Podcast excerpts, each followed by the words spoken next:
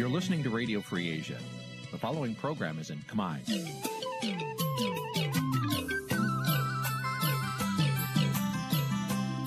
Nǐ chi càm bi tiệp xáy vệt chiu a zì sê ray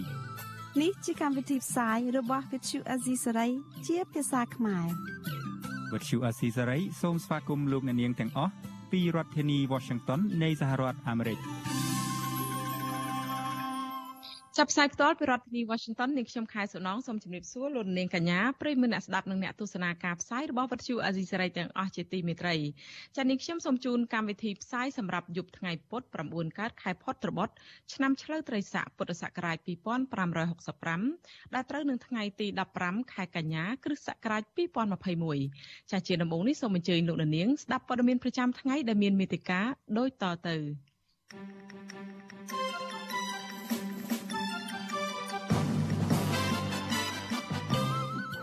អង្គការអន្តរជាតិជំរុញឲ្យយុវជនខ្មែរបន្តភាពសកម្មដើម្បីជួយឲ្យមានដំណើរការប្រជាធិបតេយ្យមត្តកិច្ចបញ្ជូនអតីតព្រះសង្ឃខ្មែរក្រោមប៉ាងសូដាទៅឃុំខ្លួននៅពន្ធនាគារព្រៃសរ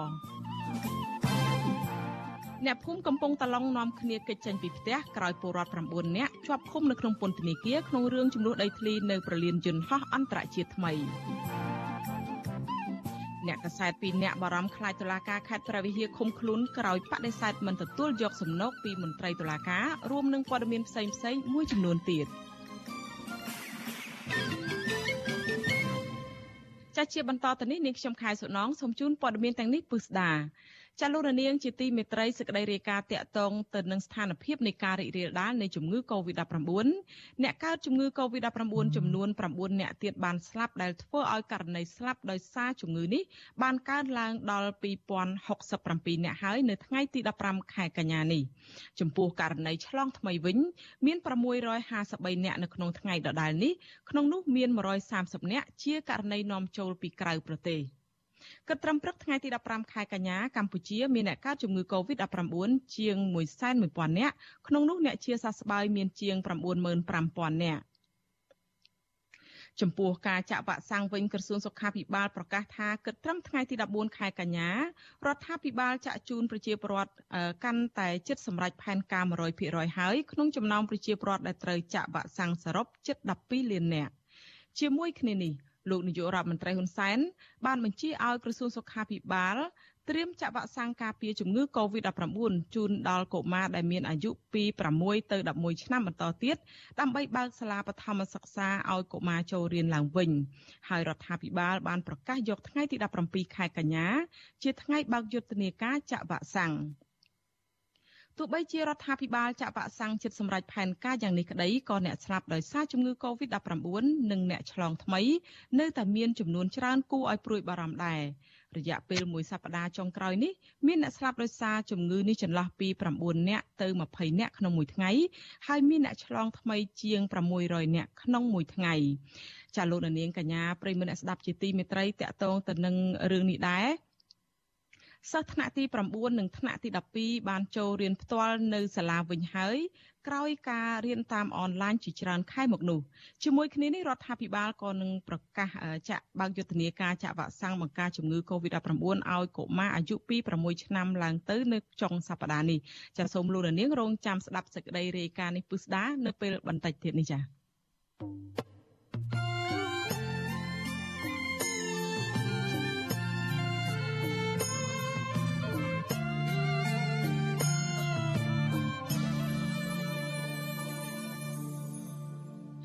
ចាលោកនាងកញ្ញាប្រិមនៈស្ដាប់ជាទីមេត្រីចាតកតងទៅនឹងសក្តីរាយការណ៍ពាក់ព័ន្ធនឹងបញ្ហាវិវាទដីធ្លីនេះវិញអ្នកភូមិកំពង់តាឡុងភ ieck ច្រើនជាបរោះមិនថាចាស់ឬក្មេងបន្តលាក់ខ្លួននៅកន្លែងមានសុវត្ថិភាពមិនហ៊ាននាំគ្នាត្រឡប់ចូលផ្ទះវិញទេ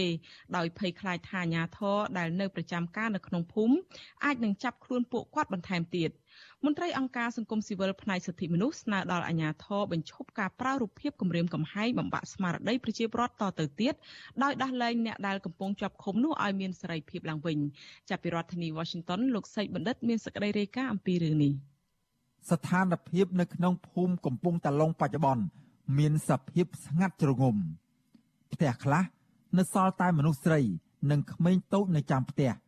ហើយផ្ទះខ្លះទៀតត្រូវបិទទ្វារចោល ក្រោយពីមានហេតុការណ៍ប៉ះទង្គិចគ្នារវាងកងកម្លាំងសមត្ថកិច្ចនិងក្រមប្រជាពលរដ្ឋមានចំនួនដីធ្លីជាមួយនឹងក្រុមហ៊ុន OCIC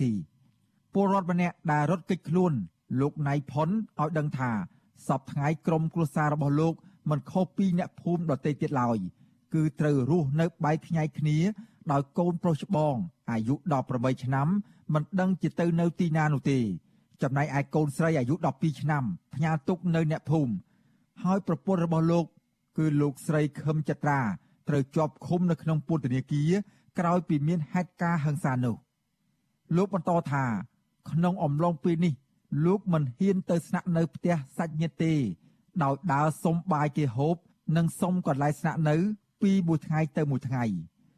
លោកបញ្ជាក់ថាក្នុងរយៈពេល3ឆ្នាំមកនេះ អាញាធរមិនបានព្យាយាមដោះស្រាយបញ្ហាវិវាទដីធ្លីឲ្យប្រជាពលរដ្ឋនៅសំណងណាមួយ ដែលអាចទទួលយកបាននោះទេ តែបែរជាបង្កផលលំបាកឲ្យប្រជាពលរដ្ឋរងទុក្ខពីមួយជាន់ហើយថែមមួយជាន់ទៀតបរោះវ័យ52ឆ្នាំ ដែលសល់ខោអាវមួយកំភ្លេជាប់នឹងខ្លួននិងគ្មានប្រាក់មួយរៀលផងនោះទទូចស្នើសុំឲ្យប្រមុខរដ្ឋាភិបាលចុះដោះស្រាយបញ្ចប់ចំនួនដីធ្លី នៅប្រលានយន្តហោះថ្មីនេះ និងជួយដោះលែងអ្នកជាប់ឃុំទាំងអស់ឲ្យមានសេរីភាពមកវិញខ្ញុំហើយចុងក្រោយហ្នឹងខ្ញុំសូមពៀវញើដល់ប្រមុខរដ្ឋាភិបាលហ្នឹងឲ្យជួយដោះស្រាយដីធ្លីពលរដ្ឋហ្នឹងឲ្យមានសំណងហ្នឹងវាសំរុំបន្តិចមកហើយតម្រាក់ថាបត់ចោតនឹងអស់វិញទៅហើយឲ្យវាភូមិសុខសានឡើងវិញហើយអាការ សាងកងពលានហ្នឹងឲ្យវាដំណើរការទៅឲ្យវាពួកគុំខ្ញុំហ្នឹងទួលយកដៃរីករាយក្នុងកុំឲ្យអសង្ឃពលានអស់រុយលុយរាប់ពាន់លានបែរជាធ្វើឲ្យពួកអ្នកភូមិដែលស្ដីនឹងក្នុងគម្រោងគ្នារងទឹកភ្នែកអាអ្នកដែលក្រៅក្រៅគេសោកសប្បាយឲ្យពួកខ្ញុំជាប់ឃុំជាប់អីអញ្ចឹងវាដូចអយុធស្គាល់ពេកចំណែកស្ត្រីវ័យ40ឆ្នាំម្នាក់ដែលរស់នៅជាមួយនឹងកូន2នាក់គឺលោកស្រីទូចកែវរៀបរាប់ដែរថា លោកស្រីមិនឃើញប្រជាពលរដ្ឋណាហ៊ានចេញធ្វើដំណើរដូចមុនឡើយក្រៅពីសមត្ថកិច្ចជិះម៉ូតូល្បាតទៅវិញទៅមកលោកស្រីឲ្យដឹងថា ប្តីលោកស្រី គឺលោកស្រុនញក់វ័យ42ឆ្នាំ កំពុងជាប់ឃុំជាមួយនឹងប្រជាពលរដ្ឋ8នាក់ទៀតនៅឯពន្ធនាគារខេត្តកណ្ដាលក្រោយពីមានអំពើហិង្សាជាមួយនឹងសមត្ថកិច្ចនៅក្នុងភូមិលោកស្រីចាត់ទុកការឃុំខ្លួនប្រជាពលរដ្ឋមានចំនួនដីធ្លីនេះ ថាជារឿងអយុត្តិធម៌សំណុំពរឲ្យខាងថាអាញាធរហ្នឹង ដោះលែងប្រជាពលរដ្ឋដែលជាប់ឃុំ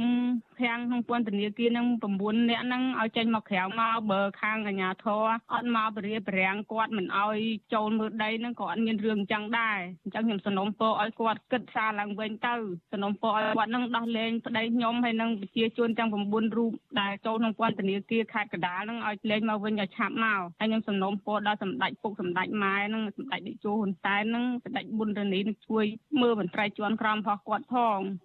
វិទ្យុអាស៊ីសេរីនៅពុំទាន់អាចសុំការឆ្លើយបំភ្លឺអំពីរឿងអាញាធរបន្តដាក់ពង្រាយកម្លាំងនៅក្នុងភូមិកំពង់តាឡុងពីអភិបាលខេត្តកណ្ដាលលោកគង់សុភ័ណ្ឌបានទេដោយទូរស័ព្ទហៅចូលតែពុំមានអ្នកទទួលតាក់ទងនឹងរឿងនេះអ្នកសម្របសម្រួលគម្រោងធុរកិច្ចនិងសិទ្ធិមនុស្សនៃមជ្ឈមណ្ឌលសិទ្ធិមនុស្សកម្ពុជាលោកវ៉ាន់សុផាតមានប្រសាសន៍ថាការបន្តប្រើកម្លាំងសមត្ថកិច្ចឃ្លាំមើលនិងស្វែងរកប្រជាពលរដ្ឋបែបនេះ គឺជាការរំលោភសិទ្ធិមនុស្សធ្ងន់ធ្ងរនិងជារូបភាពគំរាមកំហែងប្រជាពលរដ្ឋឲ្យបាក់ស្មារតីកាន់តែខ្លាំងដែលធ្វើឲ្យអ្នកភូមិលែងហ៊ានចូលផ្ទះសម្បែងលោកសាសុំអាជ្ញាធរបញ្ចប់ទង្វើបែបនេះហើយអនុញ្ញាតឲ្យប្រជាពលរដ្ឋដែលរត់គេចខ្លួនអាចវិលត្រឡប់មកជួបជុំក្រុមគូសាវិញដោយសុវត្ថិភាពនិងដោះលែងអ្នកជាប់ឃុំទាំងអស់ឲ្យមានសេរីភាពមកវិញ។ សិនតែយើងធ្វើអញ្ចឹងឃើញថាវាធ្វើឲ្យប៉ះពាល់ដល់មុខបត់របស់រដ្ឋាភិបាលកាន់តែធ្ងន់ធ្ងរទៅហើយប្រមុខរដ្ឋាភិបាលលោកគួរតែពិនិត្យមើលឡើងវិញដែរដូចជាប៉ុណ្ណឹងដូចជាគ្រប់គ្រាន់ណាស់ទៅហើយបើបំបាក់ ស្មារតីគាត់ដល់ប៉ុណ្ណឹងมันគួរតែធ្វើអីលើសពីនឹងទៀតទេតែធ្វើទៅវាคล้ายទៅជាមិនត្រឹមតែមិនគោរពពីនោះទេវាคล้ายទៅជាអមនុស្សធម៌ទៅទៀតអមនុស្សធម៌មានន័យថាលែងគិតពីមនុស្សឥឡូវហ្នឹងពួកគាត់ទៅជាមនុស្សដូចយើងទៅជាជាពលរដ្ឋរបស់រដ្ឋាភិបាលទៅតែជាពលរដ្ឋរបស់រដ្ឋយើងកាលពីថ្ងៃទី14ខែកញ្ញាចៅក្រមសាលាដំបងខេត្តកណ្ដាលលោកវ៉ាន់សុបញ្ញា សម្រាប់ចោតប្រកាន់និងឃុំខ្លួនប្រជាពលរដ្ឋមានចំនួនដីធ្លីចំនួន9នាក់ពីបទហិង្សាដោយចេតនាមានស្ថានទម្ងន់ទោសបទញុះញង់ឲ្យប្រព្រឹត្តបទឧក្រិដ្ឋជាអាតនិងបទប្រឆាំងនឹងអ្នករាជការសាធារណៈមានស្ថានទម្ងន់ទោសដោយចោទថាបានប្រើអំពើហិង្សាលើនគរបាល13នាក់ឲ្យមានរបួសស្នាមការចោទប្រកាន់នេះគឺយោងទៅលើហេតុការណ៍ក្នុងពេលតវ៉ាមានចំនួនដីធ្លីនៅប្រលានយន្តហោះថ្មី នៅភូមិកំពង់តាឡុងឃុំបឹងខ្យាងស្រុកកណ្ដាលស្ទឹងខេត្តកណ្ដាលកាលពីពេលថ្មីថ្មីនេះដែលមានការប៉ះទង្គិចគ្នានៅពេលសមាជិកបង្ក្រាបប្រជាពលរដ្ឋអ្នកតវ៉ាគ្រួសារនិងសាច់ញាតិប្រជាពលរដ្ឋចំនួន9នាក់ប្រតិកម្មចំពោះការចោទប្រកាន់នេះ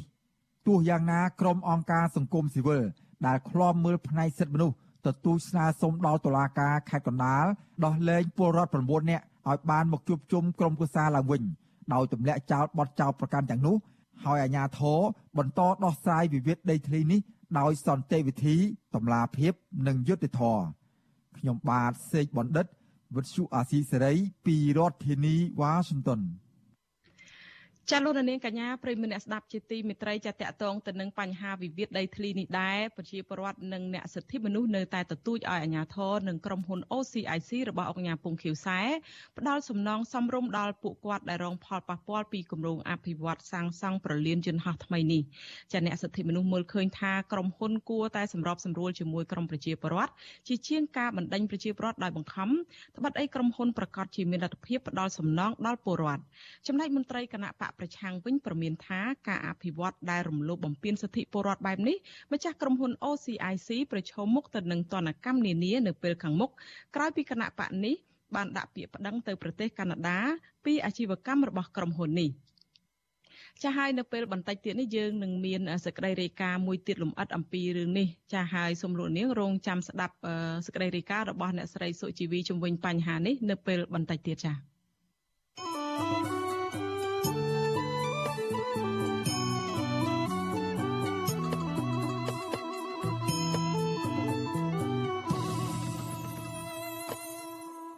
ចាលោករនាងកញ្ញាប្រិមម្នាក់ស្ដាប់ជាទីមេត្រីសេចក្តីរាយការណ៍ដាច់ដោយឡែកមួយទៀតអង្គការពិភពលោកផ្នែកលើកស្ទួយលទ្ធិប្រជាធិបតេយ្យលើកទឹកចិត្តដល់យុវជនខ្មែរឲ្យបន្តភាពសកម្មរបស់ខ្លួនដើម្បីជួយជំរុញឲ្យមានដំណើរការប្រជាធិបតេយ្យនៅកម្ពុជា អង្គការទាំងនោះសង្កត់ធ្ងន់ថាគេមិនអាចរងចាំមេដឹកនាំផ្ដាច់ការឲ្យផ្ដល់លទ្ធិប្រជាធិបតេយ្យដល់ពលរដ្ឋនោះទេប៉ុន្តែពលរដ្ឋខ្លួនឯងត្រូវតែធ្វើសកម្មភាពឲ្យបានខ្លាំងក្លាបន្ថែមទៀត។ មន្ត្រីរដ្ឋាភិបាលកម្ពុជាឆ្លើយតបថាកម្ពុជាមិនបានបិទលំហប្រជាធិបតេយ្យនោះឡើយចាប់ពីរដ្ឋធានី Washington លោកទីនសាការីយ៉ារាយការណ៍ព័ត៌មាននេះអង្គការអន្តរជាតិដែលធ្វើការលើកស្ទួយលទ្ធិប្រជាធិបតេយ្យនៅទូទាំងពិភពលោកគឺវិជាស្ថានប្រជាធិបតេយ្យ NDI និងវិជាស្ថានសាធារណរដ្ឋអន្តរជាតិ IRI លើកឡើងស្របគ្នាថាទូនាទីរបស់ពលរដ្ឋជាពិសេសយុវជន មានសារៈសំខាន់ខ្លាំងណាស់ នៅក្នុងការជំរុញឲ្យដំណើរការលទ្ធិប្រជាធិបតេយ្យប្រធានវិជាស្ថានជាតិប្រជាធិបតេយ្យ NDI លោក Derek Mitchell មានប្រសាសន៍ថានៅក្នុងប្រទេសដែលមានការគៀបសង្កត់ដោយកម្ពុជាបច្ចុប្បន្ននេះបរដ្ឋអាចមានអារម្មណ៍ភ័យខ្លាចនិងបោះបង់ចោលការតស៊ូរបស់ខ្លួនក៏ប៉ុន្តែលោកជំរុញឲ្យប្រជាពលរដ្ឋខ្មែរត្រូវតែរឹងមាំឡើងដើម្បីការពារសិទ្ធិនិងភាពជាពលរដ្ឋរបស់ខ្លួនលោកថ្លែងទៀតថាពលរដ្ឋខ្មែរដែលមានជំនឿនិងចង់បានលទ្ធិប្រជាធិបតេយ្យ គួរតែកសាងបណ្ដាញជាមួយប្រជាពលរដ្ឋប្រទេសដទៃទៀតដែលមានជំនឿដូចគ្នានេះដែរដើម្បីទទួលបានការគ្រប់គ្រងនិងសាមគ្គីភាពជាមួយគ្នានេះពលរដ្ឋខ្មែរគួរតែចាប់ផ្ដើមរួមគ្នាធ្វើសកម្មភាពឲ្យបានច្រើននៅតាមមូលដ្ឋានដើម្បីបង្កើតជាវប្បធម៌នៃការពិភាក្សា និងដោះស្រាយបញ្ហានានា។ we all together going forward should find a way to work in solidarity with one another with humility យើងឆ្ពោះទៅមុខទាំងអស់គ្នាដើម្បីរកមធ្យោបាយធ្វើការដោយសាមគ្គីភាពនិងភាពទន់ភ្លន់និងដើម្បីធានាថាសតវត្សទី21នេះជាសក្តានុពលនៃសេចក្តីថ្លៃថ្នូររបស់មនុស្សគ្រប់គ្នាមិនមែនសម្រាប់តែក្រុមអភិជន និងមេដឹកនាំផ្ដាច់ការនោះទេខ្ញុំមានសោតិធិនិយមណាស់ចំពោះរឿងនេះ ខ្ញុំយល់ថានៅពេលដែលយុវជនដឹងពីតម្រូវការរបស់ខ្លួនហើយតវ៉ាប្រឆាំងនឹងការប្រែប្រួលអាកាសធាតុឬទាមទារចង់បញ្ចេញសម្លេងនៅក្នុងសង្គមការលើកឡើងទាំងនោះនឹងត្រូវបានគេដឹងឮនៅថ្ងៃណាមួយ ពពួកមេដឹកនាំផ្ដាច់ការកំពុងតែរីករាយនៅអ្វីដែលគេមាននៅថ្ងៃនេះប៉ុន្តែពួកគេមិនមែនមានវាជារៀងរហូតនោះទេហើយពេលបន្តិចម្ដងបន្តិចម្ដងទិវាប្រជាធិបតេយ្យអន្តរជាតិនឹងក្លាយជាពេលវេលាដ៏រីករាយ And that International Day of Democracy step by step will become a, a happier and happier moment ដោយគ្នាដែរប្រធានវិជាស្ថានសាធារណរដ្ឋ IRI លោកដានីយ៉ែលថ្វាយនឹងមានប្រសាសន៍ថាលទ្ធិប្រជាធិបតេយ្យអាចនឹងដំណើរការទៅបាន ទាល់តែមានការចូលរួមដោយផ្ទាល់ពីពលរដ្ឋជាពិសេសយុវជន ពីព្រោះពួកគេមានធម៌ពលភាពស្វាហាប់និងសមត្ថភាពដ៏អស្ចារ្យនៅក្នុងការចងក្រងគ្នាជាបណ្ដាញលោកបន្តថាយុវជនខ្មែរអាចធ្វើសកម្មភាពនិងតស៊ូមតិលើបញ្ហាជាច្រើនដែលកើតឡើងនៅក្នុងមូលដ្ឋានរបស់ខ្លួន មានជាអាចបញ្ហាអប់រំសុខាភិបាល បញ្ហាទឹកភ្លើងឬរឿងផ្លូវថ្នល់ជាដើមដើម្បីជំរុញឲ្យមានដំណើរការប្រជាធិបតេយ្យពីកម្រិតមូលដ្ឋានមកវិញ sitting around and waiting for some member of parliament ការមិនធ្វើអ្វីសោះហើយរងចាំឲ្យតំណាងរាស្ត្រឬរដ្ឋមន្ត្រីណាម្នាក់មកដោះស្រាយបញ្ហាឲ្យយើងនោះវាមិនមែនជាដំណោះស្រាយឡើយខ្ញុំហ៊ាននិយាយថានៅប្រទេសណាក៏ដូចគ្នាដែររួមទាំងសហរដ្ឋអាមេរិកផងអញ្ចឹងហើយសូមសកម្មឡើងនិងរួមគ្នាដើម្បីគៀកោមិត្តភ័ក្តិហើយរៀបចំផែនការសកម្មភាពការចងក្រងគ្នាជាបណ្ដាញមានសារៈសំខាន់ណាស់ពីព្រោះការធ្វើអ្វីមួយតែម្នាក់ឯងមិនងាយសម្រេចផលនោះទេផ្ទុយទៅវិញបើយើងអាចធ្វើអ្វីមួយជាក្រុមឬជាសហគមន៍នោះវាពិតជាមានទម្ងន់និងវាអាចសម្រេចជោគវាសនារបស់យើងម្នាក់ម្នាក់នៅក្នុងប្រទេសមួយដែលមានប្រជាពលរដ្ឋ2ភាគ3ជាមនុស្សវ័យក្មេងដូចជាករណីប្រទេសកម្ពុជានេះអ្នកនយោបាយត្រូវតែស្ដាប់ហើយឆ្លើយតបតាមសំណើនិងសកម្មភាពរបស់អ្នកដោយជាមនុស្ស respond to your calls and to your actions អនុសាសន៍របស់ប្រធានអង្គការដែលមានមូលដ្ឋាននៅសហរដ្ឋអាមេរិកទាំងពីរនេះធ្វើឡើងនៅក្នុងកិច្ចពិភាក្សាមួយតាមប្រព័ន្ធអ៊ីនធឺណិតដើម្បីអបអរសាទរទិវាប្រជាធិបតេយ្យអន្តរជាតិនៅថ្ងៃទី15កញ្ញាកម្មវិធីនេះរៀបចំដោយស្ថានទូតសហរដ្ឋអាមេរិកប្រចាំនៅកម្ពុជាហើយដែលមានឯកអគ្គរដ្ឋទូតលោក Patrick Murphy ជាអ្នកសម្របសម្រួល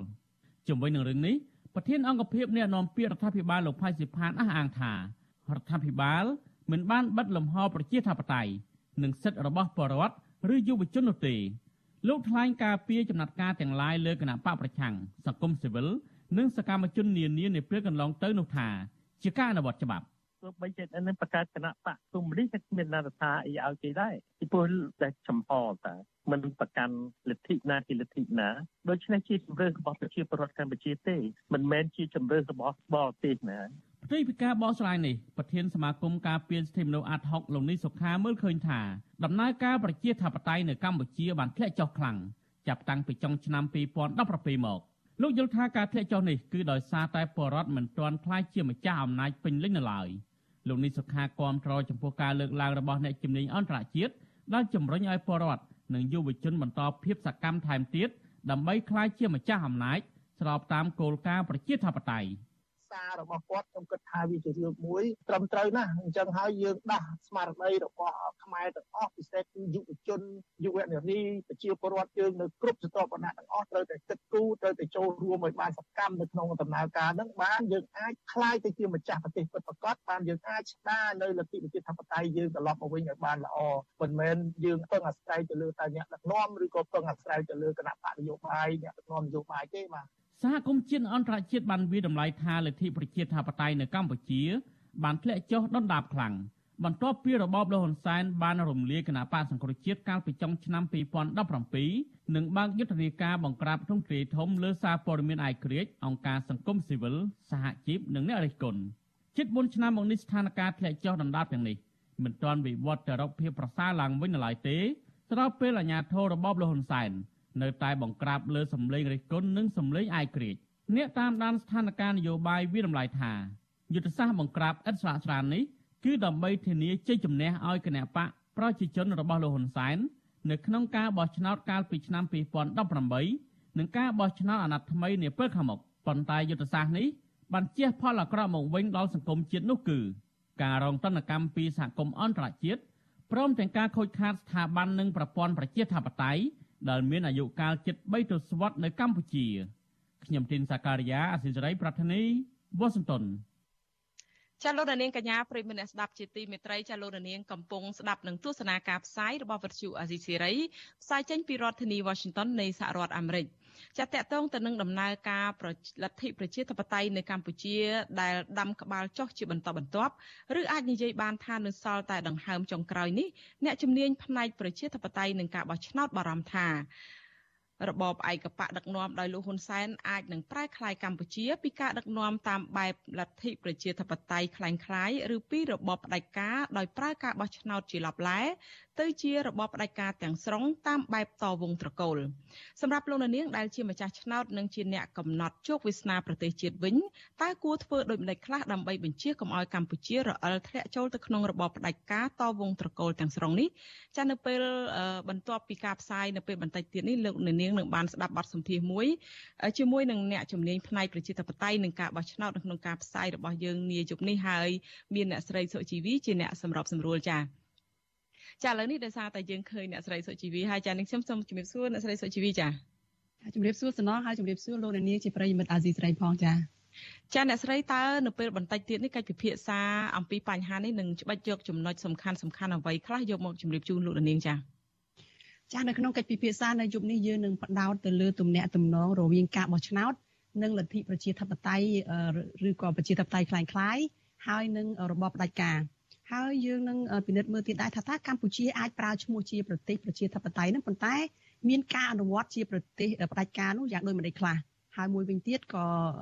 យើងនឹងពិនិត្យមើលដែរថាតើប្រជាពលរដ្ឋដែលជាម្ចាស់ឆ្នោតគឺជាតួអង្គសំខាន់នៅក្នុងដំណើរការប្រជាធិបតេយ្យនិងអាចនិយាយបានថាគឺជាម្ចាស់អំណាចនោះតើពួកគាត់ត្រូវត្រៀមខ្លួនបែបណានៅក្នុងការបោះឆ្នោតនៅពេលខាងមុខនេះដើម្បីឲ្យការបោះឆ្នោតនឹងគឺធានាបាននៅប្រជាធិបតេយ្យពិតប្រាកដមួយនោះចាសសំណង ចាចានៅពេលបន្តិចទៀតសូមលោកនាងរងចាំទស្សនាកិច្ចពិភាក្សារបស់អ្នកស្រីសុជីវីនេះលំអិតចាហើយសូមអរគុណនិងជំរាបលាអ្នកត្រីអ្នកស្រីត្រឹមតែប៉ុណ្ណេះសិនហើយជួបគ្នាបន្តិចទៀតចាចាសូមអរគុណ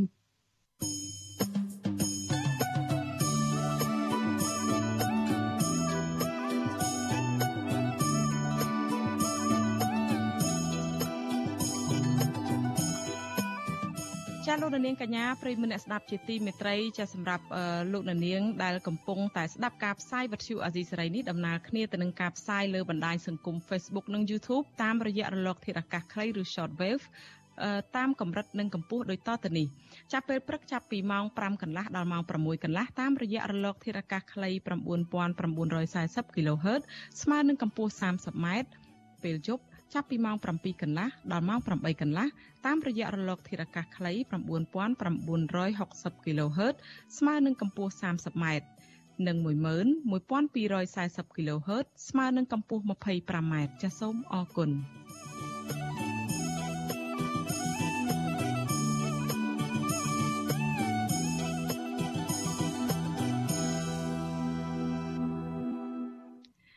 ចាលោកនាងកញ្ញាប្រិមិត្តអ្នកស្ដាប់ជាទីមេត្រីចាងាកមកសេចក្តីរាយការណ៍តាក់ទងទៅនឹងវិស័យអប់រំនៅក្នុងអំឡុងមានវិបត្តិ COVID-19 នេះវិញសិស្សថ្នាក់ទី9និងថ្នាក់ទី12បានចូលរៀនផ្ទាល់នៅសាលាវិញហើយក្រោយពីរៀនតាមអនឡាញជាច្រើនខែមកនោះជាមួយគ្នានេះរដ្ឋាភិបាលក៏នឹងប្រកាសបើកយុទ្ធនាការចាក់វ៉ាក់សាំងបង្ការជំងឺ COVID-19 ឲ្យកុមារដែលមានអាយុចន្លោះពី6ឆ្នាំឡើងទៅនៅក្នុងចុងសប្តាហ៍នេះចាសូមលោកនាងស្ដាប់សេចក្តីរាយការណ៍របស់លោកជីវិតាអំពីរឿងនេះការបើកសាលាឲ្យចូលរៀនវិញនៅថ្ងៃទី15កញ្ញា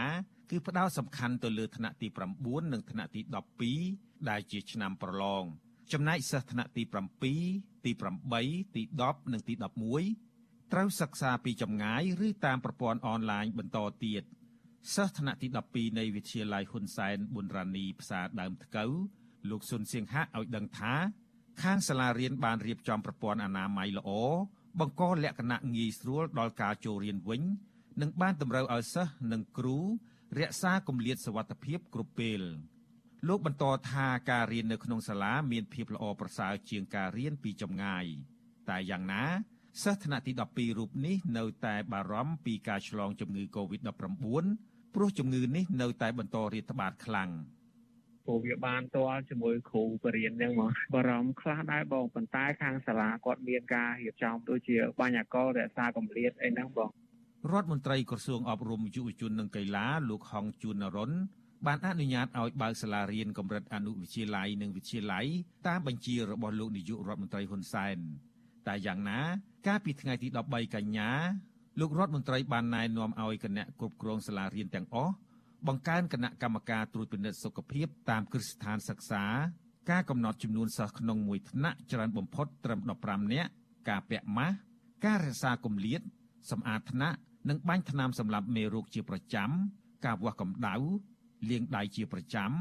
សវត្ថិភាពផ្នែកចំណីអាហារនិងហាមលេងជុំគ្នាជាដើមក្រសួងអប់រំក៏បានអនុញ្ញាតឲ្យគណៈគ្រប់គ្រងសាលាអាចផ្អាកការសិក្សានៅតាមសាលារៀនវិញជាបន្ទាន់ដែរ ក្នុងករណីមានការឆ្លងរាតត្បាតជំងឺ Covid-19 នៅក្នុងថ្ងៃចាប់ផ្ដើមដំណើរការសាលារៀនឡើងវិញនេះអាជ្ញាធររាជធានីខេត្តមួយចំនួន បានចុះទៅពិនិត្យមើលស្ថានភាពទីតាំងសាលារៀនមួយចំនួនដែរថ្លែងពីវិទ្យាល័យព្រះស៊ីសុវត្ថិអភិបាលរាជធានីភ្នំពេញលោកខួងស្រេងបញ្ជាក់ថាអាជ្ញាធរបានអនុញ្ញាតឲ្យអនុនិងវិទ្យាល័យទាំងរដ្ឋទាំងឯកជនជាង200គ្រឹះស្ថាននៅភ្នំពេញអាចបើកដំណើរការចូលរៀនវិញទាំងអស់ ដោយបដូរទីតាំងយកសំណាក់ឬមណ្ឌលចតាល័យស័កចេញពីសាលារៀនអស់ហើយប៉ុន្តែនៅតាមខេត្តមួយចំនួនវិញមិនទាន់អាចបើកសាលារៀនវិញបានទេប្រធានសមាគមគ្រូបង្រៀនកម្ពុជាឯករាជ្យអ្នកស្រីអុកឆាយាវីឲ្យដឹងថាតាមសាលារៀនមួយចំនួនដែលធ្លាប់ជាមណ្ឌលចតាល័យស័កកំពុងសម្អាតនៅឡើយបន្ថែមពីនេះអ្នកឃ្លាំមើលរូបនេះក៏មិនគាំទ្រចំពោះការបើកសាលារៀនក្នុងស្ថានភាពប្រថុយប្រឋាននឹងការឆ្លងជំងឺបែបនេះទេ ព្រោះអ្នកស្រីថាមេរោគបំលែងថ្មី Delta នៃជំងឺ Covid-19 អាចឆ្លងទ្រង់ទ្រាយធំឡើងវិញគ្រប់ពេលអ្នកស្រីចង់ឲ្យក្រសួងអប់រំពន្យាការចូលរៀនផ្ទាល់បន្តទៀតដើម្បីរងចាំការប្រកាសរបស់ក្រសួងសុខាភិបាលសិនព្រោះអីយើងថាខ្លាំងសុខភាពល្អតើតែរងចាំទៅបើយើងទៅរៀនហើយដើម្បីយកជំងឺមកទេយើងអត់មានសេចក្តីសុខទេជាមួយគ្នានេះនៅថ្ងៃទី15កញ្ញាដដែល លោកនាយករដ្ឋមន្ត្រីហ៊ុនសែនបានប្រកាសថារដ្ឋាភិបាលនឹងបើកយុទ្ធនាការចាក់វ៉ាក់សាំងឲ្យកុមារអាយុពី6ឆ្នាំឡើងទៅ នៅថ្ងៃសុក្រចុងសប្តាហ៍នេះតទៅលោកអះអាងដូចមុនដែរថាការចាក់វ៉ាក់សាំងនេះដើម្បីឈានទៅរកការបើកសាលារៀនថ្នាក់បឋមសិក្សាឡើងវិញប៉ុន្តែលោកនាយករដ្ឋមន្ត្រីមិនបានបញ្ជាក់ថារដ្ឋាភិបាលនឹងប្រើប្រាស់វ៉ាក់សាំងប្រភេទណាចាក់ឲ្យកុមារពីអាយុ6ឆ្នាំដល់11ឆ្នាំនោះទេ អ្នកឃ្លាំមើលវិស័យអប់រំចង់ឲ្យរដ្ឋាភិបាលរកការបញ្ជាក់ពីគុណភាពវ៉ាក់សាំងចំពោះកុមារពីខាងអង្គការសុខភាពពិភពលោកសិនដើម្បីបញ្ជាហានិភ័យអ្នកពិគ្រោះយោបល់ឯករាជ្យផ្នែកគោលការណ៍នយោបាយអប់រំលោកសេងហុងស្វាគមន៍ចំពោះគម្រោងយុទ្ធនាការចាក់វ៉ាក់សាំងឲ្យកុមារពីអាយុ6ឆ្នាំដល់11ឆ្នាំនិងបើកសាលារៀនឡើងវិញនៅកម្រិតអនុនិងវិទ្យាល័យតែទោះជាយ៉ាងណា លោកជំរុញឲ្យរដ្ឋាភិបាលបង្ហាញទិន្នន័យអំពីការចាក់វ៉ាក់សាំងលើកុមារអាយុពី6ឆ្នាំឡើងទៅនឹងត្រូវប្រឹក្សាជាមួយអង្គការសុខភាពពិភពលោកឲ្យបានច្បាស់សិនមុននឹងចាប់ផ្ដើមចាក់ឲ្យកុមារ។ តាមខ្ញុំយល់អាចថាលឿនបន្តិចពេកក៏ថាបានព្រោះដូចជាមិនទាន់មានដំណឹងទូលំទូលាយណាកិច្ចការងារនឹងនៅប្រទេសផ្សេងៗណាប្រហែលជាទៅ clarify ជាមួយ WHO បន្តិចតាមមើលទៅលើចំណុចហ្នឹងព្រោះខ្ញុំដូចជាលះពេកដែរខ្ញុំក៏មិនបានធ្វើការស្រាវជ្រាវពីបញ្ហាហ្នឹងដែរចំណែកអ្នកជំនាញវិទ្យាសាស្ត្រក៏នៅតែមានមន្ទិលអំពីគុណភាពវ៉ាក់សាំងក្នុងការចាក់ឲ្យកុមារក្រោមអាយុ12ឆ្នាំដែរព្រោះកន្លងទៅមន្ត្រីជាន់ខ្ពស់ក្នុងក្រសួងសុខាភិបាល តែងតែបកស្រាយផ្ទុយគ្នាពីគុណភាពវ៉ាក់សាំងប្រធានសមាគមគ្រូពេទ្យគុណភាពកម្ពុជា លោកអ៊ូចវុធីពន្យល់ថាកុមារមានភាពប្រឈមខ្ពស់និងងាយប្រតិកម្មវ៉ាក់សាំងជាងមនុស្សចាស់ដូច្នេះមន្ត្រីក្រសួងសុខាភិបាលគួរតែបញ្ជូនវ៉ាក់សាំងទៅមន្ទីរពិសោធន៍មើលគុណភាពឲ្យច្បាស់សិនហើយត្រូវហ៊ានប្រាប់ការពិតទៅលោកនាយករដ្ឋមន្ត្រីអំពីគុណភាពវ៉ាក់សាំងនោះក្នុងករណីមានភាពមិនប្រក្រតីណាមួយ។ លោកក៏ជំរុញឲ្យមន្ត្រីសុខាភិបាលកម្ពុជាប្រឹក្សាជាមួយអង្គការសុខភាពពិភពលោកសិនដែរមុននឹងចាប់ផ្ដើមយុទ្ធនាការនេះ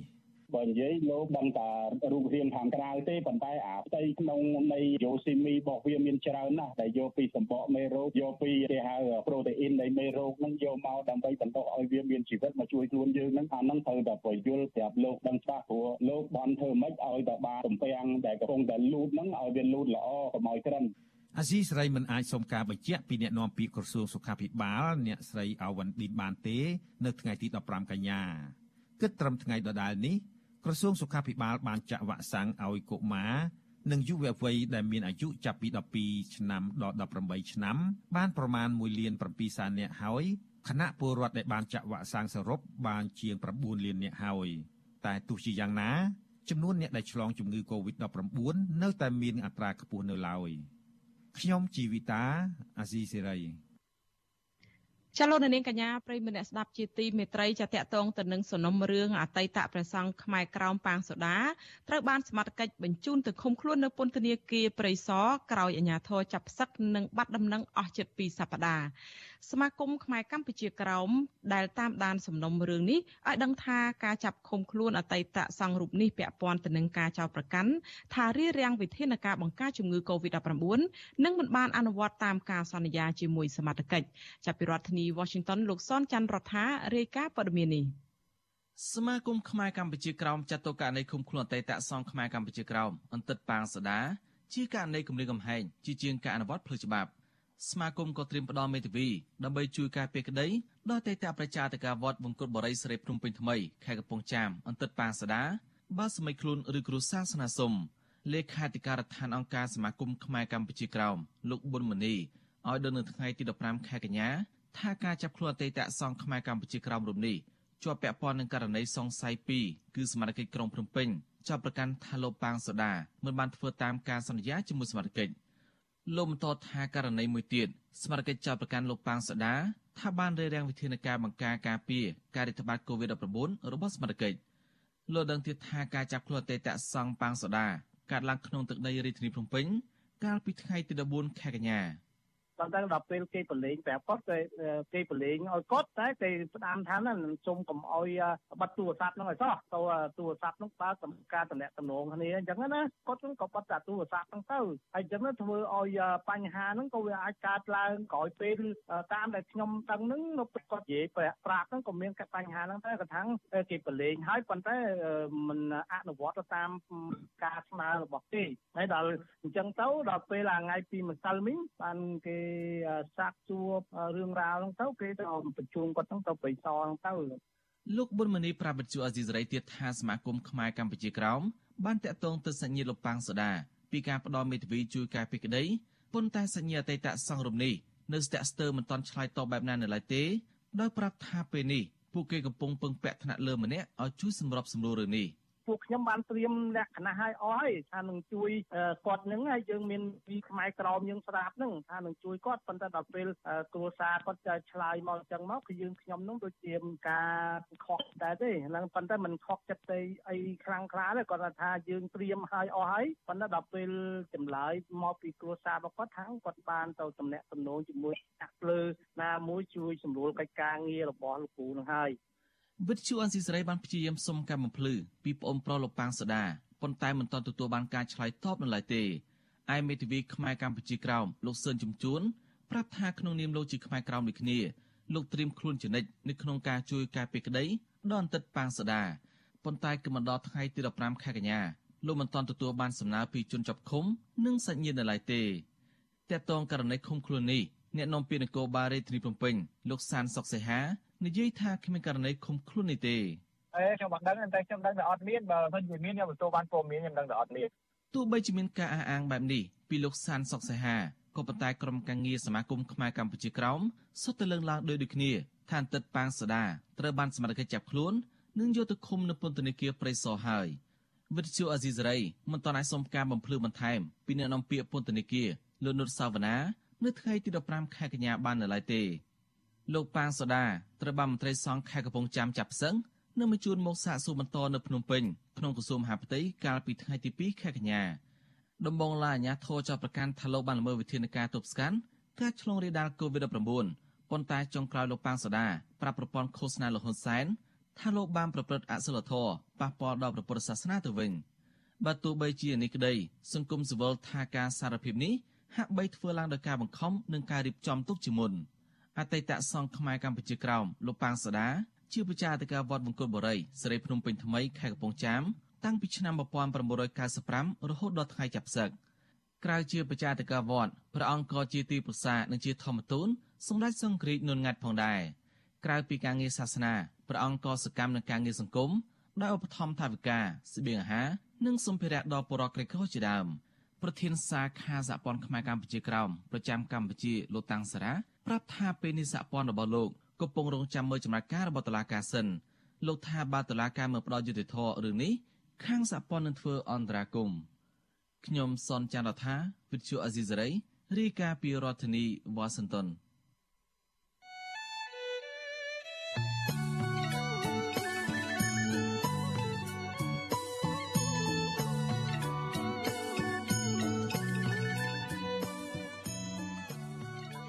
ចាលោកនាងកញ្ញាប្រិយមិត្តអ្នកស្ដាប់ជាទីមេត្រីចាក្រៅពីការតាមដានកម្មវិធីផ្សាយរបស់វិទ្យុអាស៊ីសេរីតាមបណ្ដាញសង្គម Facebook YouTube Telegram ចាលោកនាងក៏អាចតាមដានកម្មវិធីផ្សាយរបស់យើងតាមរយៈបណ្ដាញសង្គម Instagram របស់វិទ្យុអាស៊ីសេរីបានតាមតំណ link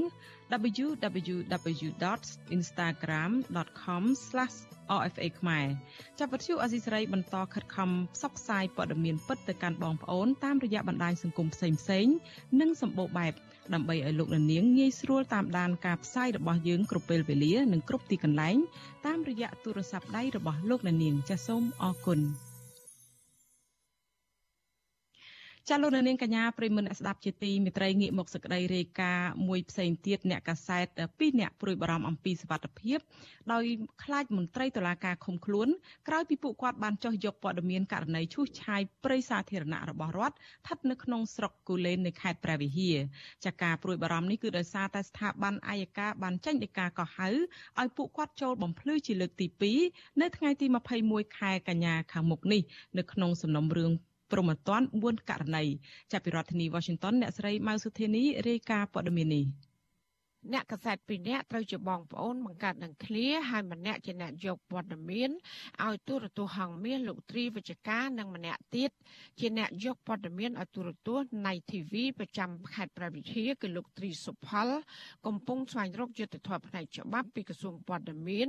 ក្រសួងយុត្តិធម៌និងអង្គភាពប្រឆាំងអំពើពុករលួយ។ ចាពួកគាត់អះអាងថាប្រេកអញ្ញារងអមសាលាដំបងខេត្តព្រះវិហារលោកវុតសាវីគឺជាដើមបណ្ដឹងក្នុងសំណុំរឿងនេះហើយប្រមានពួកលោកថានឹងចាត់វិធានការតាមច្បាប់លើពួកលោកប៉ះសិនបើមិនបានកែតម្រូវសេចក្តីរាយការណ៍ព័ត៌មាននោះទេ ចាអ្នករាយការណ៍ព័ត៌មានឲ្យទូរទស្សន៍ហងមាសប្រចាំខេត្តព្រះវិហារលោកត្រីវិជ្ជការបញ្ជាក់ប្រាប់វិទ្យុអសីស្រីថាដើមបណ្ដឹងក្នុងសំណុំរឿងនេះគឺជាបរិយាអាញារងខេត្តព្រះវិហារហើយអ្នកដែលសម្រេចរឿងនេះក៏ជាស្ថាប័នអាយកាខេត្តនេះផងដែរជាប្រការនេះហើយដែលធ្វើឲ្យលោកភ័យព្រួយពីសុខភាពព្រោះអាចនឹងមានភាពមិនប្រក្រតីច្រើននិងខ្វះដំណាភាពក្នុងការអនុវត្តច្បាប់ ហើយនេះលោកក៏បានស្នើឲ្យមេធាវីរបស់លោក ដាក់ពាក្យស្នើសុំផ្ទេរសមត្ថកិច្ចសំណុំរឿងនេះទៅសាលាដំបងរាជធានីភ្នំពេញវិញក៏ប៉ុន្តែនៅមិនទាន់មានការឆ្លើយតបនៅឡើយមកដល់ពេលនេះ។ ខ្ញុំយល់ឃើញថាការចេញនីការរបស់គាត់ធ្វើឲ្យមានការព្រួយបារម្ភរបស់ខ្ញុំមួយដែលគេមានបំណងអ្វីមួយមកលើខ្ញុំណារឿងនេះខ្ញុំមិនបានទៅប្រព្រឹត្តអ្វីដ៏ហួសហេតុដោយដែលគាត់ចោទប្រកាន់ខ្ញុំពីបទឧក្រិដ្ឋទាំងអស់ហ្នឹងទេគ្រាន់តែខ្ញុំធ្វើការផ្សព្វផ្សាយព័ត៌មានអ្វីដែលជាការពិតសោះហេតុអីបានគាត់បែរជាមកចោទប្រកាន់ខ្ញុំទាំងអស់ហ្នឹងឲ្យសំណងខ្ញុំម្នាក់2000ដុល្លារអញ្ចឹងចំណុចនេះហើយដែលខ្ញុំគិតថាជាភាពមិនប្រក្រតីមួយតើលុយហ្នឹងវាចេញពីណាមក ចាលោកត្រីវិជ្ជការបន្ថែមទៀតថាការប្តឹងផ្តល់នេះធ្វើឡើងលើបន្ទាប់ពីពួកគាត់បដិសេធមិនទទួលលុយ4000ដុល្លារពីមនុស្សចំណិត របស់បរិយាអាញារងលោកវុតសាវី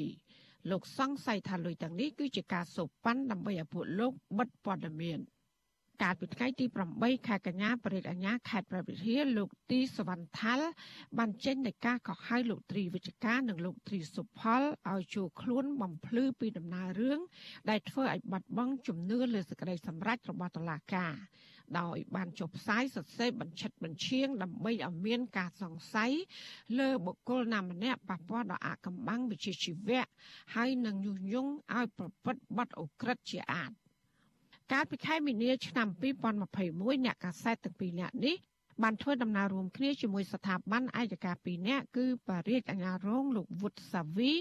និងបរិយាអាញាលោកទីសវណ្ណថាល់ដើម្បីបង្ក្រាបបទល្មើសព្រៃឈើករណីដែលឈូសឆាយដីព្រៃរដ្ឋនៅក្នុងឃុំត្បែង2ស្រុកភ្នំគូលែន ចាការបង្ក្រាបបទល្មើសនៅពេលនោះមានករណីប្រាអំពើហិង្សាកើតឡើងបតៃបតប់គ្នា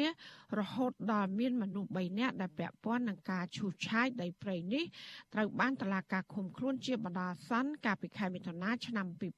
2021ដោយបានចោទពីបទហិង្សាដែលចេតនាមានស្ថានទម្ងន់ទោស ប៉ុន្តែក្រោយមកមានការដោះលែងអ្នកទាំងនោះដោយដាក់នៅក្រោមការត្រួតពិនិត្យតាមផ្លូវតុលាការកាលពីថ្ងៃទី11ខែសីហាឆ្នាំ2021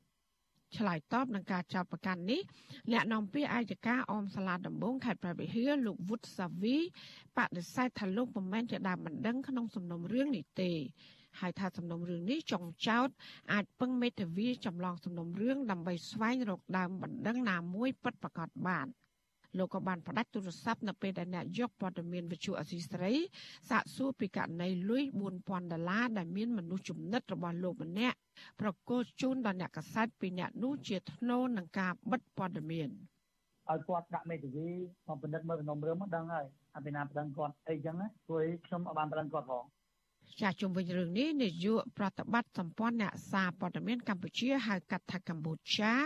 លោកណូវីស្នើឲ្យស្ថាប័នជាតិពាក់ព័ន្ធដែលអ្នកសារព័ត៌មានទាំងពីររូបនេះសូមកិច្ចអន្តរាគមន៍នោះគួរតែចុះស្រាវជ្រាវឲ្យស៊ីជម្រៅដើម្បីធានាថាគ្រប់ភាគីពាក់ព័ន្ធទទួលបានយុត្តិធម៌ស្របពេលដែលសំណុំរឿងនេះអ្នកប្តឹងផ្តល់និងអ្នកចាប់ប្រកាន់គឺជាអ្នកអនុវត្តច្បាប់ ខ្ញុំគិតថាគឺជារឿងមួយដែលគួរតែមានការយកចិត្តទុកដាក់ជាពិសេសដើម្បីធានាថាគ្រប់ភាគីពាក់ព័ន្ធទទួលបាននៅយុត្តិធម៌ជាពិសេសគឺ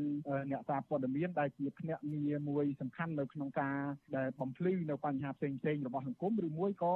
ជាភ្នែកជាច្រមុះនៅក្នុងការពិនិត្យតាមដានចំពោះករណីនីតិរដ្ឋភាពហើយនឹងរឿងបញ្ហាដែលវាពាក់ព័ន្ធជាមួយនឹងតម្លាភាពនៅក្នុងសង្គមរបស់យើងបាទ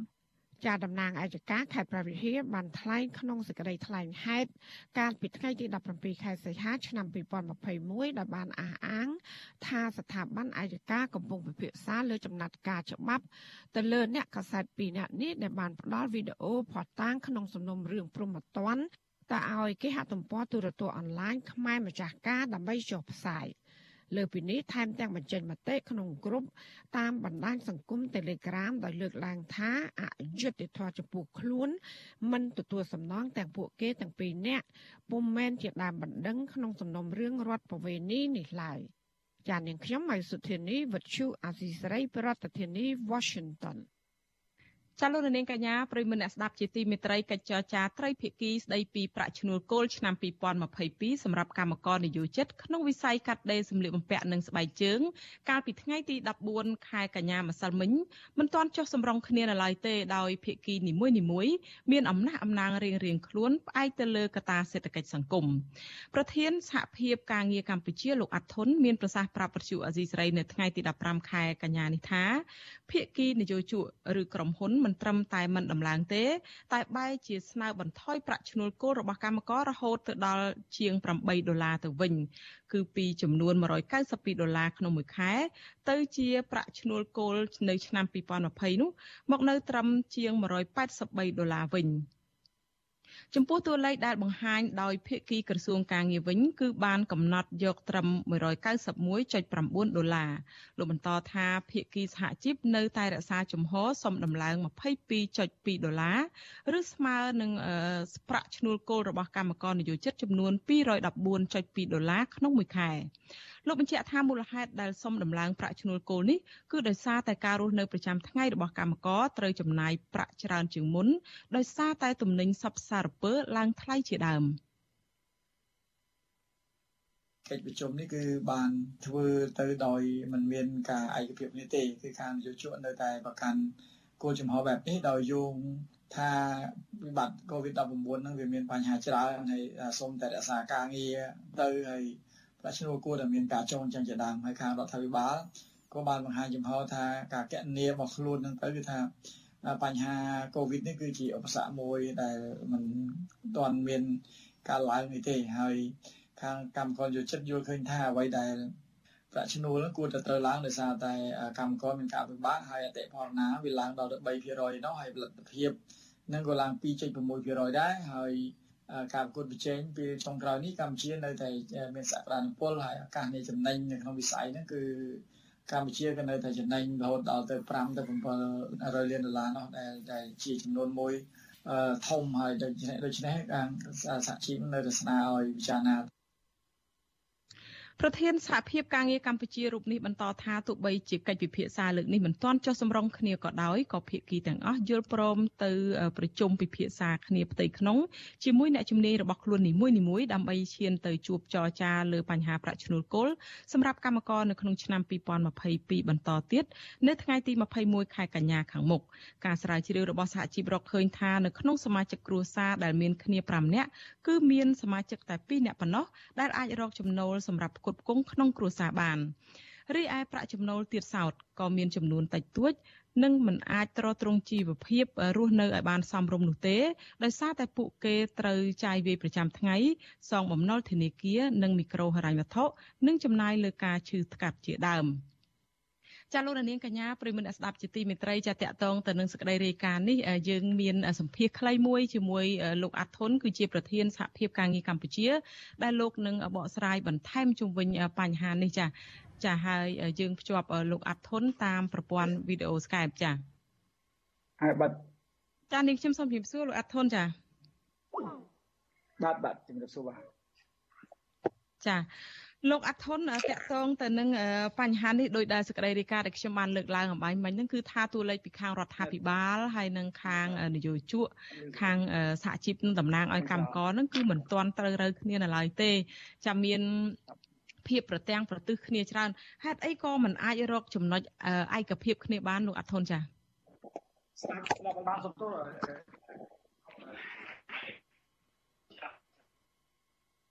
លោកអាត់ធុនលើខ្ញុំទៅចា លោកអធុនចាក់ខ្ញុំឃើញរូបលោកប៉ុន្តែវាស្កប់ប្រហែលជាអាចមានបញ្ហាប្រព័ន្ធអ៊ីនធឺណិតអឺបើសិនជាអាចខាងអ្នកបច្ចេកទេសរបស់យើងអាចភ្ជាប់លោកម្ដងទៀតឬក៏យើងងាកទៅសេចក្តីរាយការណ៍មួយសិនចាចាលោកនាងជាធីចាឥឡូវនេះដោយសារខ្ញុំឃើញលោកអាត់ធុនហើយលោកអាត់ធុនលឺនៅលឺខ្ញុំទៅចាបាទបាទបាទបានមកព្រោះអ៊ីនធឺណិតដូចជាមិន ដំណើរការល្អសោះប៉ុន្តែអីជាមួយខ្ញុំព្យាយាមម្ដងទៀតចាចា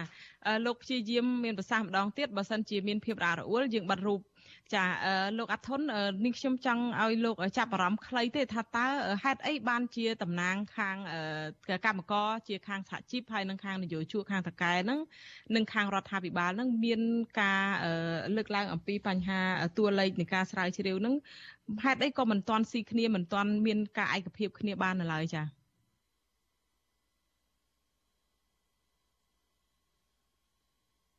ខ្ញុំអត់ឮសំឡេងលោកអាត់ធុនទេចា៎បាទបាទយើងទៅលើកិច្ចប្រជុំថ្ងៃទីកន្លងទៅនេះគឺខាងភាគីទាំងអស់ព្យាយាមលើកទាំងលហៃកដើម្បីការពារឬក៏បានឲ្យគ្រប់គ្រងទៅលើសំណើរបស់ខ្លួនដូចជាខាងនយោជកនោះព្យាយាមលើកទាំងលហៃកផ្សេងផ្សេងពាក់ព័ន្ធទៅនឹងលក្ខណៈបញ្ឆេទទាំង7នោះហើយពាក់ព័ន្ធនៅស្ថានភាពសេដ្ឋកិច្ចនិងស្ថានភាព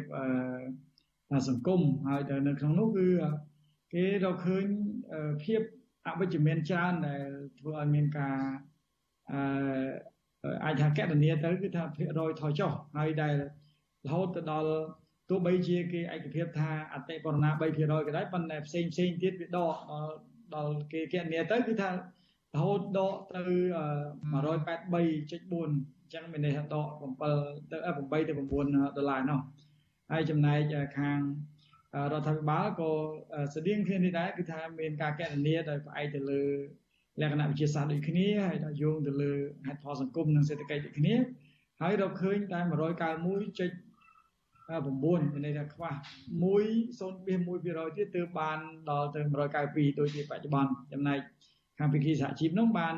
គណនាទៅរកឃើញរហូតទៅដល់214.2ហើយ ការគណនារបស់ខាងកម្មករយោជិតខ្ញុំគាត់ចង់បញ្ជាក់ទៅថាបើយើងផ្អែកលើអត្រានៃបន្ទាត់ភាពក្រីក្រអឺកំណើនកំណើននៃចំណីអាហារនិងការចំណាយនេះវាខ្ពស់ជាងមុនរហូតដល់4%តាមបច្ចេកទេសរបស់អ្នកសេដ្ឋកិច្ចគេរកឃើញហើយអតិផរណានឹង3%ទៀតហើយចំពោះផលិតភាពហ្នឹងគឺរហូតទៅដល់2.6%ដែលយើងរកឃើញនៅឆ្នាំ2021នេះគឺថាមានកំណើនហើយចំពោះការនាំចេញ យើងឃើញថាកម្ពុជា នៅតែមានសក្តានុពលនាំចេញទោះបីជាមានការថយចុះដំវងឆ្នាំ2020ប៉ុន្តែឆ្នាំ2021នេះគឺមានសញ្ញាណនៃការនាំនាំចេញកើនឡើងដោយមួយរយៈចុងក្រោយនេះគឺថាតំណែងច្រើនមែនទែននយោជករហូតដល់រកកម្មករធ្វើអត់បានដោយសារតែស្ថានភាពនៃការ lockdown នៅប្រទេសវៀតណាមហើយនិងស្ថានភាពរដ្ឋបហានៅប្រទេសភូមាទៅគឺតំណែងប្រហាក់ប្រហែលគ្នានឹងគឺថាបញ្ជូនមកស្រុកខ្មែរច្រើនហើយ មួយទៀតពាក់ព័ន្ធនឹងផលចំណេញដែលយើងកណនាទៅនៅឆ្នាំ2020នេះគឺនយោជកចំណេញក្នុងវិស័យនេះបានប្រមាណជិត500លានដុល្លារប៉ុណ្ណោះប៉ុន្តែនៅឆ្នាំ2021ការផលចំណេញវាកើនឡើងរហូតដល់ទៅជិត700លានដុល្លារអញ្ចឹងយោងទៅលើហេតុផលទាំងអស់ដែលខ្ញុំបានលើកឡើងមិញនេះហើយរួមផ្សំទាំងកម្មករយោជិតយើងបាត់បង់ថ្ងៃឈប់សម្រាកបុណ្យជាតិពី28ថ្ងៃមកនៅសល់ 21ថ្ងៃហើយនឹងថ្មីថ្មីនេះយើងឃើញអនុក្រឹត្យបរដ្ឋាភិបាលហ្នឹងគឺការឲ្យឈប់សម្រាប់របស់កម្មករយោជិតចំថ្ងៃអាទិត្យហ្នឹងបើចាំថ្ងៃបុណ្យមិនលើកទៀតទេអញ្ចឹងបើខ្ញុំកណនាទៅវារហូតដល់4ថ្ងៃហើយសំទោស2ថ្ងៃទៀតបើយើងសរុបទាំងថ្ងៃបុណ្យជាតិនិងថ្ងៃបុណ្យចំថ្ងៃអាទិត្យនោះវា9ថ្ងៃហើយយើងបូកទូទាត់ច្រឡំច្រឡំទៅយើងគិតថាអ្វីដែលនយោជកគួរឡើងនោះដូចជាមិនខាតទេព្រោះគាត់តែ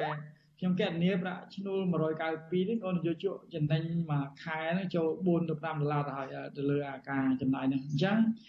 យោងទៅលើអស់ហ្នឹងបានភាគីសហជីពបានស្នើឲ្យមានការផ្ដល់ប្រាក់ពិវត្តឲ្យកម្មករហ្នឹងឲ្យបានសមរម្យហើយទូលេខដែលរកឃើញអំពីផលិតភាពហើយក៏ដូចជាគេហៅកម្លាំងនៃការរស់នៅការចំណាយការរស់នៅហ្នឹង នៅមានការខ្វែងគំនិតគ្នារវាងខាងអ្នកជំនាញរបស់ខាងកម្មករនិងអ្នកជំនាញរបស់ក្រសួងហើយភាគីសហជីពនឹងព្យាយាមសម្របសម្រួលហើយយើងនឹងមានការប្រជុំគ្នានៅថ្ងៃបរោះខាងមុខនេះបរោះនៅថ្ងៃសុក្រនេះដើម្បីជជែកគ្នាអំពីការពិនិត្យមើលលទ្ធភាពនៃការរៀបចំទូលេខដើម្បីឲ្យវាត្រូវតាមគោលការណ៍បច្ចេកទេសវិទ្យាសាស្ត្រហើយផ្នែកទី1បើសិនជាផ្នែកទី1ចប់យើងនឹងមាន ការកំណត់មួយច្បាស់លាស់ដែលមានការឯកភាពជាលក្ខណៈវិទ្យាសាស្ត្រហើយយើងនឹងដាក់ទៅក្រសួងម្ដងទៀតហើយបន្ទាប់មកគឺវគ្គទី2យើងនឹងធ្វើការជជែកជាយុទ្ធសាស្ត្រនៃការចរចាហ្នឹងតើយើងមានឥទ្ធិពលអីខ្លះតើយើងលើកទីឡៃកអីហើយតើកម្មករនៅតាមមូលដ្ឋានហ្នឹងគាត់ពិតជាចង់បានកើនឡើងទេហើយបញ្ហាប្រឈមរបស់កម្មករពិតជាមានទេហើយតើយើងអាចធ្វើអីបាននៅក្នុងឡងពេលដើម្បីជំរុញឲ្យមានការចរចាហើយ ចុងក្រោយយើងដឹងហើយថាដំណើរការនៃការចរចាប្រាក់ឈ្នួលជារៀងរាល់ពេលដែលក្រុមប្រឹក្សាជាតិឬក៏ក្រុមប្រឹក្សាការងារដែលបានកំណត់ប្រាក់ឈ្នួលរួចទៅហើយនោះគឺជាការកំណត់មួយដំណាក់កាលប៉ុន្តែការសម្រេចចុងក្រោយគឺជាការសម្រេចរបស់រដ្ឋមន្ត្រីក្រសួងការងារព្រោះធម្មតាគឺនៅក្នុងច្បាប់បានបញ្ជាក់ឲ្យថាក្រមប្រឹក្សាការងារគឺជាភ្នាក់ងារឬក៏ជា ក្រមប្រឹក្សាមួយដែលពិនិត្យមើលនិងផ្ដល់យោបល់ក៏ដូចជាការកែតម្រូវទៅលើស្ថានភាពហ្នឹងផ្សេងៗហើយជូនទៅរដ្ឋមន្ត្រីក្រសួងការងារដើម្បីចេញប្រកាសក្នុងការកំណត់ហើយជាធម្មតាគឺរដ្ឋមន្ត្រីក្រសួងការងារតែងតែមានការអន្តរាគមន៍ពីនាយករដ្ឋមន្ត្រីក្នុងការផ្ដល់នៅជាដើមអញ្ចឹងនៅក្នុងស្ថានភាពឆ្នាំនេះគឺយើងទើបតែចាប់ផ្ដើមដំណាក់កាលទី1ទេគឺថាទៀងទាត់ទូលេខដើម្បីឲ្យមានការ ស្របឬក៏ឯកភាពគ្នានៅក្នុងទូលេខមួយដែលចេញពីឯកសារដែលរកឃើញដោយវិជាស្ថានជាតិស្ថិតិឬក៏ក្រសួងសេដ្ឋកិច្ចហិរញ្ញវត្ថុរបស់ជាតិហ្នឹងហើយដំណាក់កាលទី2នឹងយុទ្ធសាស្ត្រចរចាដំណាក់កាលទី3គឺការផ្ដល់ឬក៏ការផ្ដល់បន្ថែមពីខាងរដ្ឋាភិបាលផ្សេងៗចា៎ អរគុណច្រើនលោកអាត់ធុនដោយសារយើងចិត្តអស់ពេលទៅហើយខ្ញុំចង់ដាក់ទៅលោកមកសំណួរទៀតលោកបានលើកហើយពីយុទ្ធសាស្ត្របន្តបន្ទាប់នៅក្នុងការជជែកពិភាក្សាប៉ុន្តែយើងដឹងហើយថាការចរចាហ្នឹងដំបូងកម្មកររៀងមានសង្ឃឹមបន្តិចនៅពេលដែលឮថានឹងឡើងបានបើសិនជាខាងសហជីពមើលឃើញធ្វើការសិក្សាស្រាវជ្រាវទៅមើលឃើញថាពួកគាត់អាចនឹងឡើងដល់22.2នៅក្នុងឆ្នាំនេះគាត់អសប្បាយប៉ុន្តែឥឡូវនេះនៅពេលដែលចរចានៅក្នុងតង់ថ្ងៃម្សិលមិញនេះឃើញថាបែរជាទម្លាក់ឲ្យនៅសល់183ទៅវិញតែនៅក្នុងឆ្នាំដែលកំពុងតែអនុវត្តនេះបាន192ទៅហើយអញ្ចឹងរៀងដូចថាស្ដាប់មករៀងរៀងអអន់សពុនចិត្តបន្តិចហើយតើលោកអាត់ធុនមានអ្វីដែលជាការផ្ដល់សេចក្តីសង្ឃឹមដល់ក្រុមកម្មករដែលគាត់អាចថារំពឹងថានឹងបាន ទទួលប្រាក់ឈ្នួលនឹងអាចក្រាន់បើទេនៅក្នុងអំឡុងពេលដែលគាត់ជួបវិបត្តិនៃ COVID-19 ហើយគាត់អ្នកខ្លះក៏បាត់បង់ការងារធ្វើដោយហើយតំណែងសពសារពើឡើងថ្លៃដោយអ្វីដែលលោកអធិបានលើកឡើងពីខាងដើមនេះចា៎ជាយុទ្ធសាស្ត្ររបស់ខាងនយោជកតែងតែលើកនៅតលហេកផ្សេងផ្សេងប្រឆាំងទៅនឹងសំណើរបស់ខាងកម្មករនេះជាយុទ្ធសាស្ត្រហើយមិនជាលើកទី1ទេព្រោះយើងឃើញថាវាចុះហ្នឹងរយៈ2ឆ្នាំហើយហើយ មុនមុនក៏គាត់ថាឡើងមិនបានដែរហ្នឹងគេយុទ្ធសាស្ត្រទេហើយរឿងចាក់ស្ដែងវាអាស្រ័យទៅលើអធិពលរបស់កម្មករយើងដឹងថាស្ថានភាពពីបច្ចុប្បន្នហ្នឹងបញ្ហាកូវីដវាពិតជាបញ្ហារួមហើយទាំងកម្មករទាំងនិយោជកនិយោជកអាចនឹងមិនចំណេញបើកម្មករអាចអាចអត់មានអាហារហូបអីចឹងណានិយាយរឿងចាក់ស្ដែងប៉ុន្តែអឺបញ្ហានេះមិនមែនជាការចរចាសម្រាប់ថ្ងៃនេះទេគឺយើងចរចាយើងគិតថាយើងចរចាសម្រាប់ឆ្នាំ2022ហើយ មួយទៀតចំនួននៃការរស់នៅឬក៏តម្រូវការរស់នៅរបស់កម្មករហ្នឹង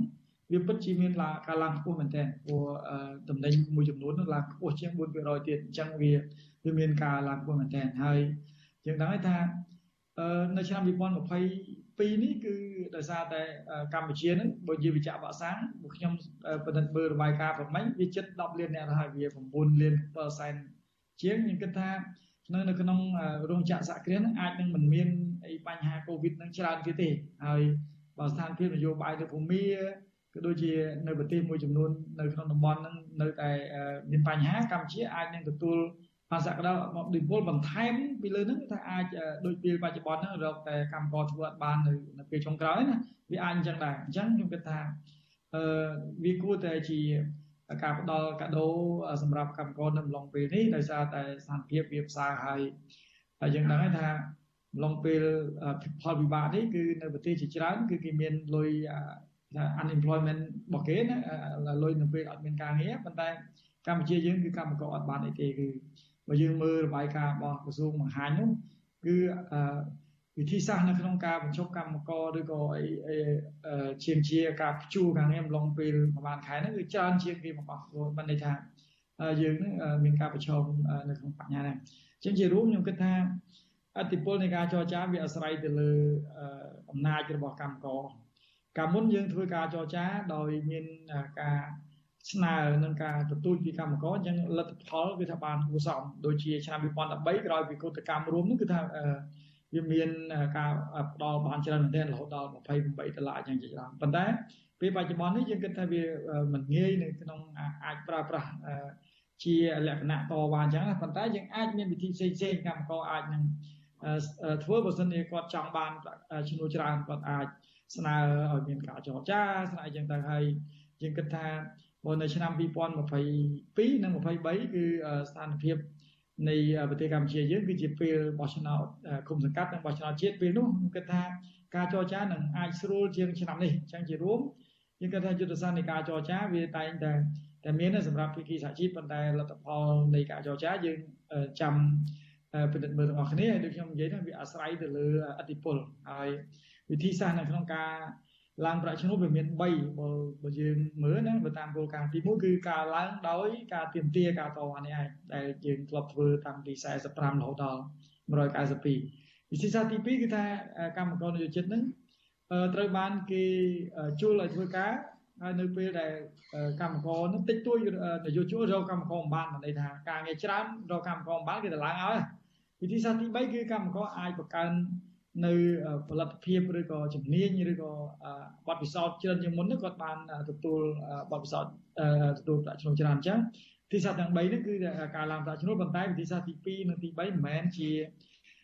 ជំរឿសម្រាប់ប្រាក់ឈ្នួលបបរមាទេវាជាជំរឿសម្រាប់ប្រទេសដែលសម្បូរការងារហើយកម្មករដែលមានលក្ខណៈជំនាញទេហើយពេលបច្ចុប្បន្ននេះគឺយើង ចរចាប្រាក់ឈ្នួលគឺយើងទៀមទាត្រឹមតែកម្រិតអបបរមាតែប៉ុណ្ណោះមិនន័យថាទៀមបំផុតគឺត្រឹមគាត់ហ្នឹងឯងបាទចាអរគុណច្រើនលោកអាត់ធុនជាប្រធានសហភាពការងារកម្ពុជាដែលលោកបានចូលរួមបន្ថែមខ្លីនិយាយអំពី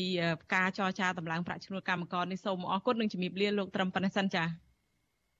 បាទសូមអរគុណជំរាបលាបាទ ចាលោកនាងកញ្ញាប្រិយមិត្តអ្នកស្ដាប់ជាទីមេត្រីចាតកតងទៅនឹងដំណើរការលទ្ធិប្រជាធិបតេយ្យនៅកម្ពុជាដែលដាំក្បាលចុះជាបន្តបន្ទាប់ឬអាចនិយាយបានថានៅសល់តែដង្ហើមចុងក្រោយនេះអ្នកជំនាញផ្នែកប្រជាធិបតេយ្យនឹងការបោះឆ្នោតបារម្ភថារបបឯកបកដឹកនាំដោយលោកហ៊ុនសែនអាចនឹងប្រែក្លាយកម្ពុជាពីការដឹកនាំតាមបែបលទ្ធិប្រជាធិបតេយ្យคล้ายៗឬពីរបបផ្ដាច់ការដោយប្រើការបោះឆ្នោតជាលបឡែទៅជារបបផ្ដាច់ការទាំងស្រុងតាមបែបតវងត្រកូលចាសម្រាប់លោកនាងដែលជាម្ចាស់ឆ្នោត តនិងជាអ្នកកំណត់ជោគវាសនាប្រទេសជាតិវិញតើគួរធ្វើដូចម្តេចខ្លះដើម្បីបញ្ជៀសកុំឲ្យកម្ពុជារអិលធ្លាក់ចូលទៅក្នុងរបបផ្ដាច់ការតវងត្រកូលទាំងស្រុងនេះចាសសូមលោកនាងរងចាំស្ដាប់បទសម្ភាសអំពីបញ្ហានេះនៅពេលបន្តិចទៀតចាលោកនាងកញ្ញា